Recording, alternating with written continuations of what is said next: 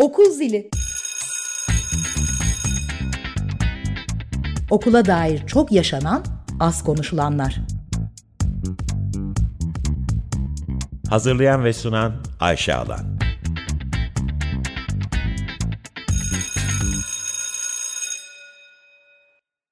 95.0 Açık Radyo'dan herkese iyi akşamlar. Okul Zili programındasınız. Ben Ayşe Alan. Bugün 6. programımızı yapıyoruz ve her zaman olduğu gibi çok heyecanlıyım. Ben bu programı düşünürken, tasarlarken aklımda çok önemli bir niyet vardı. Eğer eğitimi konuşuyorsam, okulu konuşuyorsam bunu öğrenciler olmadan kesinlikle yapmamam gerekir diye düşünüyordum. İşte bu niyetimi gerçekleştirebileceğim bir program olacak benim için. Karşımda Melisa Akkuş var. Melisa 18 yaşında ve daha yeni liseden mezun olmuş genç bir kadın. Melisa hoş geldin. Merhabalar, hoş buldum. Ee, yavaş yavaş konuşmaya başlayacağız ama önce her zamanki gibi kitap köşeme geçmeden önce kısaca Melisa ile ilgili bir bilgi vermek isterim. E, lise öğrenimi boyunca Melisa hemen hemen hiç okula gitmedi. Yani örgün eğitim dışına çıktı. Ama bunun dışında kendisini e, değişim hayali ile çalışan bir genç olarak tanımlıyor. E, uzun uzun sohbet etmiştik programdan önce de kendi okulumu kendim yarattım diyor. O yüzden de programımızın başlığını Melisa ile birlikte dünyayı kurtarmak için okuldan vazgeçilir mi koyduk. E, birazdan başlayacağız ama ondan önce benim her programımda bir tane küçük kitap köşem var. Bu haftanın kitabıyla başlamak istiyorum. Kitabımız kitabımızın ismi e, Zorunlu Eğitime Hayır. Melisa seveceksin sen bu kitabı Kesinlikle bence. Kesinlikle okuyacağım. 2013 yılında ayrıntı yayınlarından çıkmış. Yıllar önce okumuştum, çok beğenmiştim. Birçok sayfada altını çizdiğim onlarca yer olmuş. E, bu program için hazırlanırken bol bol baktım bu satırlara. E, el, eğitime eleştirel bakan diğer kitaplardan biraz farklı. Yazarı Catherine Baker. Catherine Baker e, Fransız anarşist bir anne. Çok sevdiği kızı Mary'i okula yollamıyor. Ve Mary 14 yaşına gelince de okula yollamama gerekçelerini ona anlatmak için bir kitap yazmaya niyetleniyor ve zorunlu eğitime hayır kitabını yazıyor. Kitabında esas olarak şunu söylüyor. Okul, devlet kendine köle yetiştirmek için e, okulu, eğitimi aslında e, organize eder. Bu köle eğitimden başarıyla geçtikleri zaman da e, insanlar aslında köle olduklarını okul sistemi içerisinde fark etmezler diyor. Peki bu kitabın diğer kitaplardan başka ne farkı var? Bizzat bir e, anarşist anne olarak bütün deneyimini bütün açıklığıyla anlatmış kitapta. Tabii Fransa'da olmanın belli avantajları da var. Fransa'da başka ailelerde çocuklarını okula göndermemeyi tercih edebiliyorlar. Dolayısıyla Catherine aslında tek değil, yalnız değil. Onun gibi olan ebeveynlerle birlikte mahallelerinde, ilçelerinde bir araya getir gelerek çocuklarını okul dışındaki sistemde başka şekilde eğitebiliyorlar. Şimdi bu kitaptan e, iki tane altını çizmişim ve yanlarına üçer tane yıldız koymuşum. Bunları sizinle paylaşmak istiyorum. İlki şu şöyle demiş. Okul çocuklara gardiyanlık yapan bir kurumdur. Anne babaları çalışırken onları gözüm e, pardon gözetim altında tutarak toplumsal iktisadi makinenin işlemesi için gerekli olan bilgileri onlara öğretir. İtaati aşılar, eler ve rolleri dağıtır demiş. Bir de altını çizdiğim başka bir cümle var. Birazdan o cümleyi sana bağlamak istiyorum Melisa. Diyor ki hiçbir şey içimizde yanan ateşin çekirdeğine yaklaşma çabasından daha değerli olamaz. Neden sana bağlıyorum, sana dönüyorum. Sanki sen içinde yanan ateşin sönmesine izin vermedin ve bu ateşi büyüttün gibi geliyor bana. Ee, ilk sorumu sorayım. Neden okul dışındasın? Neden örgün eğitimin dışına çıktın? Çok teşekkür ederim. Kitaptan çok etkilendim çünkü gerçekten benim sürecimi de ifade ediyor. Yıllar önce zaten okulla aram çok kötüydü. Okulda benim hiç istemediğim davranışlara maruz kalıyorduk. Hem öğretmenler hem de öğrenciler tarafından akran zorbalığı olsun, öğretmenlerin psikolojik şiddeti olsun ve daha birçok şey. Tabii ki bu her yerde aynı değil ama ben sürekli aynı şeyleri yaşadım, aynı şeyleri gördüm. Liseye geçtikten sonra da fark ettim ki ben neden okula geliyorum dedim kendime. Ben okulda yapamıyorum. Hiçbir zaman da yapamadığımı fark ettim. Bir süre sonra düşünüp durdum. Dedim ki ben bir şey yapmalıyım ve okul sisteminden dışarıya çıkmalıyım dedim. Okul sisteminden uzaklaştırmalıyım kendimi dedim. Çünkü okula gittikçe kendime yabancılaşıyorum.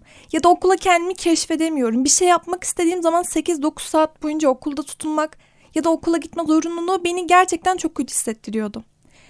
Sonra dedim ki kendime ben okulu bırakıyorum. Çevrem bir anın ne oluyor Melisa neler oluyor demeye başladı.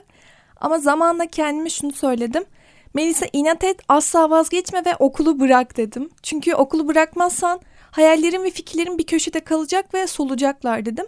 Ama ben solmasını değil yeşermesini istedim. Bu nedenle bir şekilde ailemi ikna edip açık liseye geçtim. Hı hı. Açık liseye geçtikten sonra da devam ettin. Çok hızlı gidiyorsun. Çok ee, araya tekrar girmek istiyorum çünkü biz adım adım öğrenmek istiyoruz neler oldu. Dokuzuncu sınıfa başladın, evet. okula kayıt oldun. Dokuzuncu sınıfın sonunda mı bıraktın okulu? Açık liseye o zaman mı geçtin? Şöyle dokuzuncu sınıfa başladım, meslek lisesine başlamıştım. Hı. İlk yarı dönemi bitti. Sonra daha evime yakın bir okula geçtim. Oradan sonra da pandemi başladı. Pandemiyle birlikte iki yıl boyunca zaten okula gitmedik. İki yıl okula gitmediğimiz için de ben çok rahat ve mutluydum. 11. sınıfa başladığım an direkt kendime neden okula geldiğimi sordum. Çünkü pandeminin büyük bir etkisi oldu. Daha önceden de 9. sınıfta sürekli açığa geçmek, lise öğrenimine devam etmek istemiyordum okulumdaki sebepler yüzünden. Ondan önceki sebepler de yüzünden. 11. sınıfta bu kararı verdim ve iki yıldır da liseye gitmiyorum okula. Yani şu an 12. sınıfta olmam gerekiyordu. Bu şekilde. Peki senin gibi açık liseye geçen başka arkadaşların oldu mu? Tabii ben açık liseye geçtikten sonra çevreme çok güzel bir şekilde anlatmaya başladım. Arkadaşlarımı, Reklam yaptın yani. Tabii tabii arkadaşlarımı teşviklemeye başladım. Çok şükür ki aileleri bana gelip bir şey demedi. Arkadaşlarımı söyledikten sonra onlar da bana sorular sormaya başladı. Sonra bir grup arkadaşım var. Bir programda birlikteydik. Onlar da açık liseye geçti. Kendimiz bir grup oluşturup adını oluşturup adını da koyup bir grup oluşturup böyle bir araya geldik. Birlikte bir şeyler yapmaya başladık ve aslında bu süreçte şunu öğrendim. Biz gerçekten kendi okulumuzu yaratabiliriz ve ben de bu süreçte çok uzun bir süreç oldu. Ama sonunda şunu fark ettim. Kendi okulumu kendim yarattım. Ve açık listeye geçen bireyleri de baktığım zaman çevreme kendi okulumuzu gerçekten kendimiz yarattık. Çünkü ben bir kitap okumak istediğim zaman hep şununla karşılaşıyordum. Önce sınavlarını çalış, önce matematik kitabındaki şu soruyu çöz. Ya da öğretmenlerin kitap verip onu okuyup sınav yaptığı bir sistem var. Onu da sevmiyordum. Çünkü ben gerçekten beni etkileyen bir şeyden sınava değil, sınava girmek istemem. Onu anlamak, onu şefkatle anlamak isterim. Biraz onu hissetmek isterim ve bunun için zamana ihtiyacım var. Ama okul sürekli bizi bir yere yetiştiriyormuş gibi, sürekli bir koşuşturmaca, sürekli bir sıkıştırmaca ve çok büyük bir rekabet ortamı olduğu için keyifle yapamıyordum. Yani çok sevdiğim şeyleri örneğin matematik, edebiyat benim gerçekten çok sevdiğim alanlar. Aslında okuldaki tüm dersleri çok severim. Ama okulda sevemiyorum. Sorun da bu. Okulda sevemiyorum çünkü okulda bu gerçekten sınavlık bilgi olarak bize öğretiliyor. Ama ben dışarı çıktığım zaman matematiğin tarihçesini öğrendim. Bu iki yıllık pandemi sürecinde matematiğin tarihçesi olduğunu öğrendim. Ve ben küçüklüğümde yaşadığım olaylar sebebiyle matematikten lise 1'e kadar çok korktum ve matematik, matematik bilgim sıfırdı diyebilirim. Ama zaman aşmam gerektiğini fark ettim. Çünkü bir yerlerde sürekli benimle dalga geçildiğini görüyordum. Kendimi bir şekilde toparladım ve kendi kendime okumalar yaptım. Matematikle ilgili, matematik sevmek için Ali Nesin'in kitaplarını aldım. Hı-hı. Daha doğrusu internetten okumaya başladım. Dergileri gördüm. Hypetia matematik Hypetia matematikçinin hikayesini dinledim, okudum daha doğrusu. Çok etkilendim. Okulda bunlar bana hiç öğretilmemiş. Tam tersi daha olumsuz şeyler öğretilmişti. Hı hı. İşte Neyi kastediyorsun olsun. olumsuz şeyler derken? Olumsuz örneğin matematikte bir konunun aslında hayatımızda nasıl bir etkisi olduğunu ben hiç bilmiyordum. Ya da fizik dersinde. Fizikteki bilgileri biz sadece sınavlık bilgi olarak öğreniyorduk. Anlıyorum. Ama dışarıda gerçekten fizik evrenin en temel şeyi olduğunu bana kimse gelip söylememişti. Ben bunu zamanla fark ettim. Bu şekilde aslında her şeyi kendi kendime yaptım, kendi kendime büyüttüm diyebilirim bu süreçte. Çok güzel. Biraz önce e, senin gibi olan arkadaşlarınla bir araya geldiğinizi söyledin. Aslında orada bir dayanışma var, birlikte öğrenme var. Onlarla da ortak e, konularınız çıktı mı? Neler yaptınız hep birlikte? Tabii ki. Öncelikle okul okul gezileri olurdu ama gerçekten çok klişe şeyler olurdu. Luna Park'a gidilirdi ya da başka etkinlikler olurdu. Ama biz böyle daha çok sanat, bilim, iç içe olmak istiyorduk ve bunları da mümkünse ücretsiz bir şekilde yapmak istiyorduk. Çünkü gerçekten öğrenciler olarak bir sanatsal aktiviteye gitmek, sanatsal bir bir şeye gitmek çok lüks sınıfına kategorisine girmeye başladı. Hı hı. Ve biz de araştırdık nasıl ücretsiz yerlere gidebiliriz, neler yapabiliriz diye ve böyle kendimize program çıkardık. O programı çıkardıktan sonra da böyle baktık ki bir zaman sonra birçok etkinlikle karşılaştık. Bize destek olanlar da oldu bu süreçte. Sonra böyle çeşitli etkinliklere gittik. O şekilde bir süreç aslında başlatmış olduk. Birbirinizi öğrettiğiniz, öğrendiniz, farklı Kesinlikle. şeyler keşfettiniz, Hı-hı. kendi meraklarınızı keşfettiniz ve peşinden koştunuz. Kesinlikle. Ee, peki iklimle ilgili özellikle çalışmalarına gelelim biraz. Çünkü e, kendin için e, dünyayı kurtarmak gibi bir amaç edinmişsin ve bununla birlikte aynı amaçta olan dünyadaki sorunları dert edinen arkadaşlarına da bir araya gelmişsin. Farklı deneyimlerin olmuş. Bu nasıl oldu? Nasıl başladı? Şöyle küçükken bir gün kendime dedim ki ben dünyayı kurtarmak istiyorum. Ama gerçekten öyle böyle bir şekilde demedim. Ya böyle içimden dışımdan her yerde bunu söylüyordum. Sürekli bunu söylüyordum. Çünkü gerçekten çevremde olan biten her şeye karşı bir şey yapmak istiyordum. Bana sürekli şey derlerdi. Sen her şeye maydanoz olma. Sen her şeye atlama derlerdi. Ya da sen her şeye pabuç çıkarma, pabuç olma bir şeyler çok den, denirdi. Ama ben de her şeye maydanoz olurdum. Her şeye katılırdım. Her şeye böyle meraklıydım. Bir şeyler yapmak, bir şeyler üretmek, bir şeyler çözmeyi çok istiyordum. Okulda da böyle miydin? Çok soru soran bir çocuk muydun? Yoksa genellikle sessiz kalan, biraz önce anlattığın deneyimlerden e, yola çıkarak söyleyeyim. Kendisi, kendini okulda iyi hissetmeyip içine kapanan bir öğrenci miydin yoksa soruların merakınla ilgili bir şeyler bulabiliyor ya da kendini ifade edebiliyor muydun okulda? İlkokulda bu böyle olmadı. İlkokul hı hı. 8. sınıfa kadar ben çok içime kapanık bir öğrenciydim.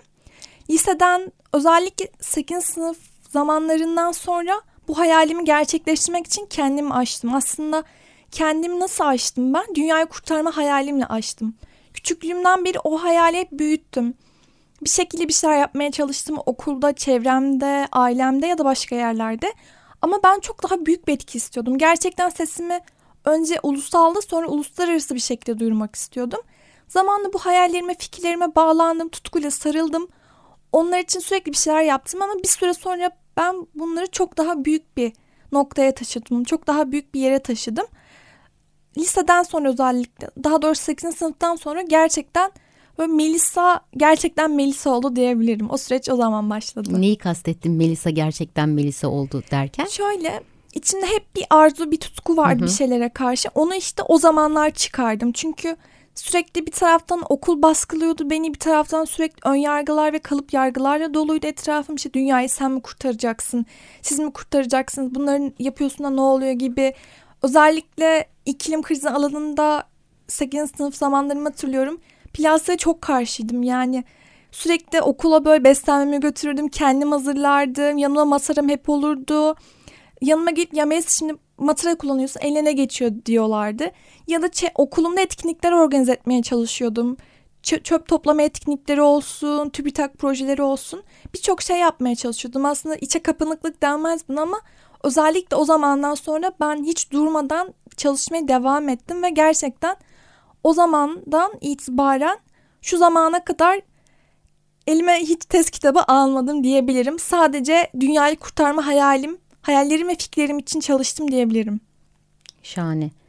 Ee, iklim meselesini biraz daha konuşalım mı? Neler Olur. yapıyorsun iklim evet. kriziyle ilgili? Senin gibi olan arkadaşların neler yapıyorlar? Biraz bahseder misin bize? Tabii ki. Öncelikle şu anda birçok sivil toplum kuruluşu olsun, inisiyatif olsun buralarda gönüllüyüm. Kimisinin de kurucu ortağıyım ya da oluşturucusuyum diyeyim. Özellikle Türkiye'de iklim alanında iklim grevlerini organize ediyoruz. İklim grevleri daha önce Türkiye'de organize edilmiyordu. Şu an çok aktif bir şekilde organize ediyoruz. Hı hı. Ve kapsayıcı bir şekilde sürdürüyoruz bu mücadelemizi.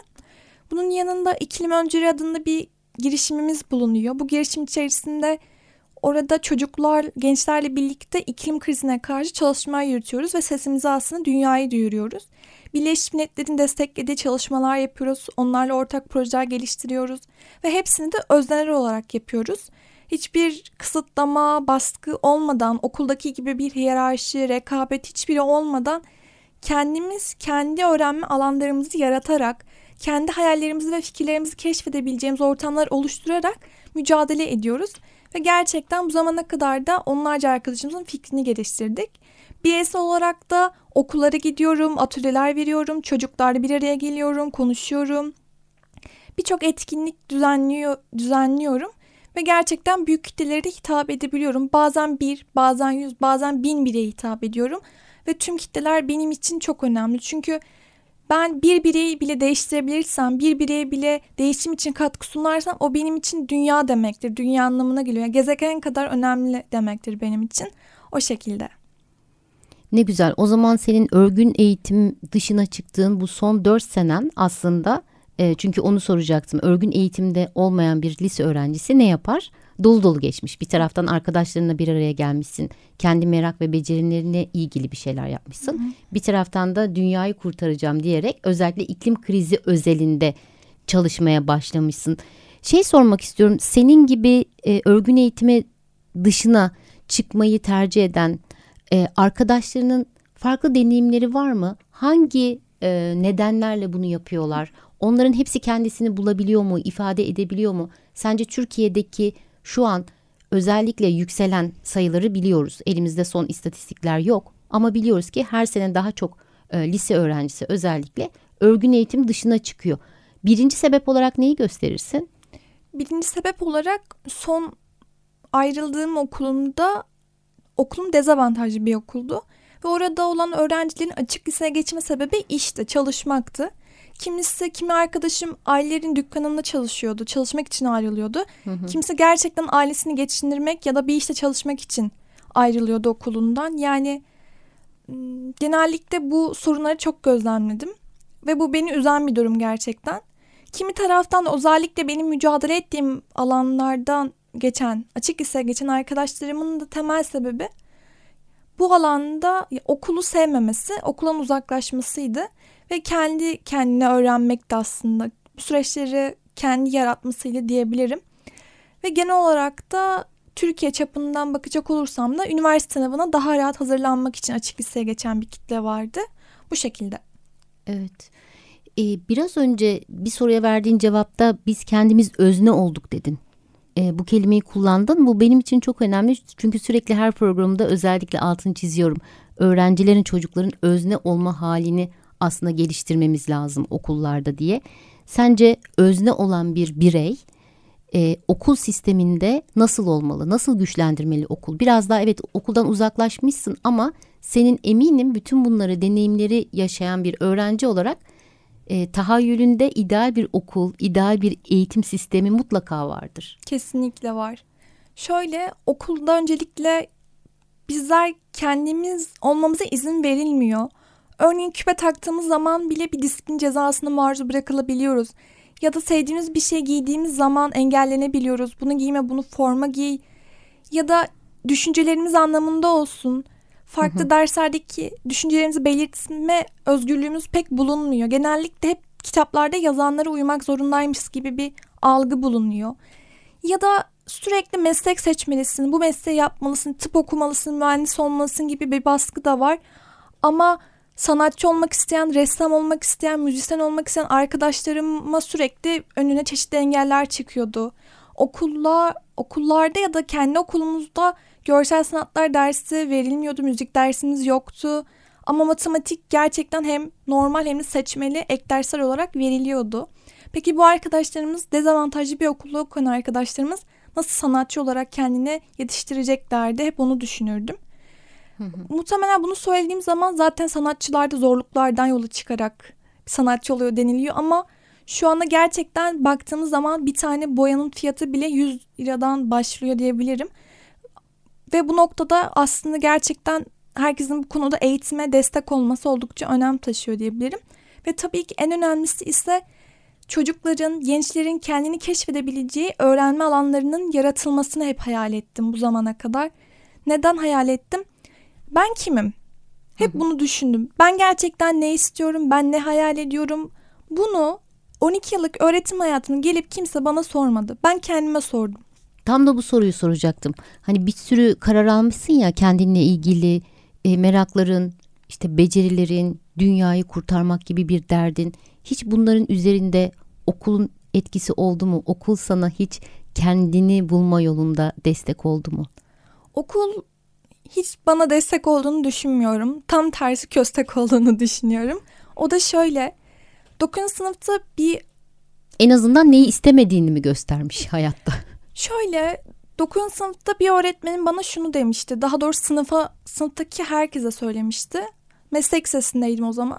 Zaten sizin bir hayaliniz olsaydı burada olmazdınız demişti. Yani hayali olan bireyler kolejde okur. Yük, yüksek puanlı okullarda okurmuş gibi bir algı yaratmıştı öğretmenimiz, hocamız. Ve şu anda da bu algı hala devam ettiriliyor. Bu şekilde çok olumsuz yorumlarla karşılaştım. Olumsuz yorumlar aldım. Çok küçükken ilkokulda da öğretmenimizin o psikolojik şiddeti olsun yani çok başka şeyleri tüm bunları düşünecek olursam aslında tüm bu söyledikleri bana zarar verebilirmiş ya da çevremdeki bireylere de zarar vermiş olabilir. Benimle birlikte okuyan, benimle birlikte aynı sınıfta olan bireylere zarar vermiş olabilir. Fakat ben zarar yerine tam tersi güçlenerek çıktım tüm bunların içerisinden. Tüm bu ön yargıların, kalıp yargıların içerisinden kendimi sürekli Melisa lütfen bırakma, lütfen devam et. Sürekli kendimi hep bir şekilde ileriye taşımak istedim. Motive ederek kendimi bu noktaya ulaştırmak için çok çalıştım. Yani hayallerimi ve fikirlerimi geliştirmek için bir noktaya ulaşmak istedim. Ve sürekli kendim bunları söylediğim için aslında evet bir noktada çok olumsuz etkilenmedim ama gerçekten olumsuz etkilenen arkadaşlarımın da olduğunu düşünüyorum. Tabii bir öğretmen olarak bunları duymak beni gerçekten çok üzüyor ve etkiliyor. Böyle deneyimler yaşadığın için çok üzüldüm gerçekten. Tabii ki bildiğim ama birebir senden duymak e, ayrıca etkiliyor insanı. Biraz önce okulla ilgili söylediklerini e, şöyle toparladım kafamda. E, bedenine bir müdahale var, düşüncelerine bir müdahale var, e, kariyer şeyiyle aslında baskısıyla geleceğine ve hayallerine bir müdahale var ve kendini bulmak isteyeceğin alanların da kapatılması var. Ee, özellikle söylemiş olduğun sanat dersleri, müzik dersleri gibi alanların sizlere kapalı olması gibi örnekler verdin. Ee, şunu sormak istiyorum. Geleceğe baktığın zaman sen şimdi örgün eğitim dışına çıkmış, kendi okulunu kendin yaratmış, arkadaşlarına dayanışan, iklim krizi konusunda çalışan bir genç kadınsın e, ne yapmayı düşünüyorsun gelecekte? Üniversite var mı?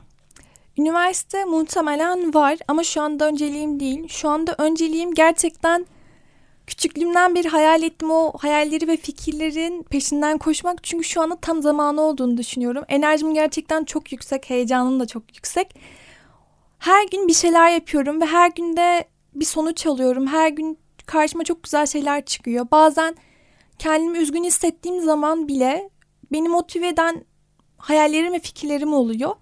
Bu yüzden bu yolda çok çalışmaya, hayallerden ve fikirlerden asla vazgeçmemeye devam ediyorum.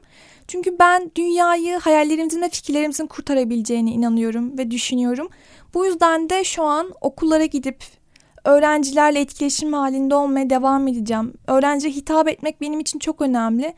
Çünkü bu sistemde birilerinin çok çalışması ve sesini duyurması gerekiyor. Özellikle hı hı. öznel olarak bizlerin sesini duyurması ve akranlar arası bir iletişim kurarak sesimi duyurmak benim için çok önemli olduğu için bu yolda bu şekilde devam edeceğim. Harika. Çok teşekkür ediyorum. Eminim birçok çocuğa, kendinden küçüklere çünkü konuşmalar yapıyorsun, okullara gidip e, atölyeler yapıyorsun arkadaşlarınla birlikte onlara ilham olmuşsundur. Bundan sonra olacaksındır. Arkadaşlarına birbirinize bu kadar dayanışarak destek vermeniz, yan yana durmanız muhteşem bir şey. Dolayısıyla aslında programı yavaş yavaş e, umutlu bir şekilde e, bitirdik senin güzel sözlerinle. Çok teşekkürler katıldığın için. Rica ederim. Ben çok teşekkür ederim. Evet okul zili programındaydınız. 6. bölümümüzü tamamladık. 2 hafta sonra Perşembe akşamı 19.30'da tekrar sizlerle birlikte olacağız. Sevgili arkadaşım Elif'in özel isteğiyle esen kalın diyerek programı kapatıyorum.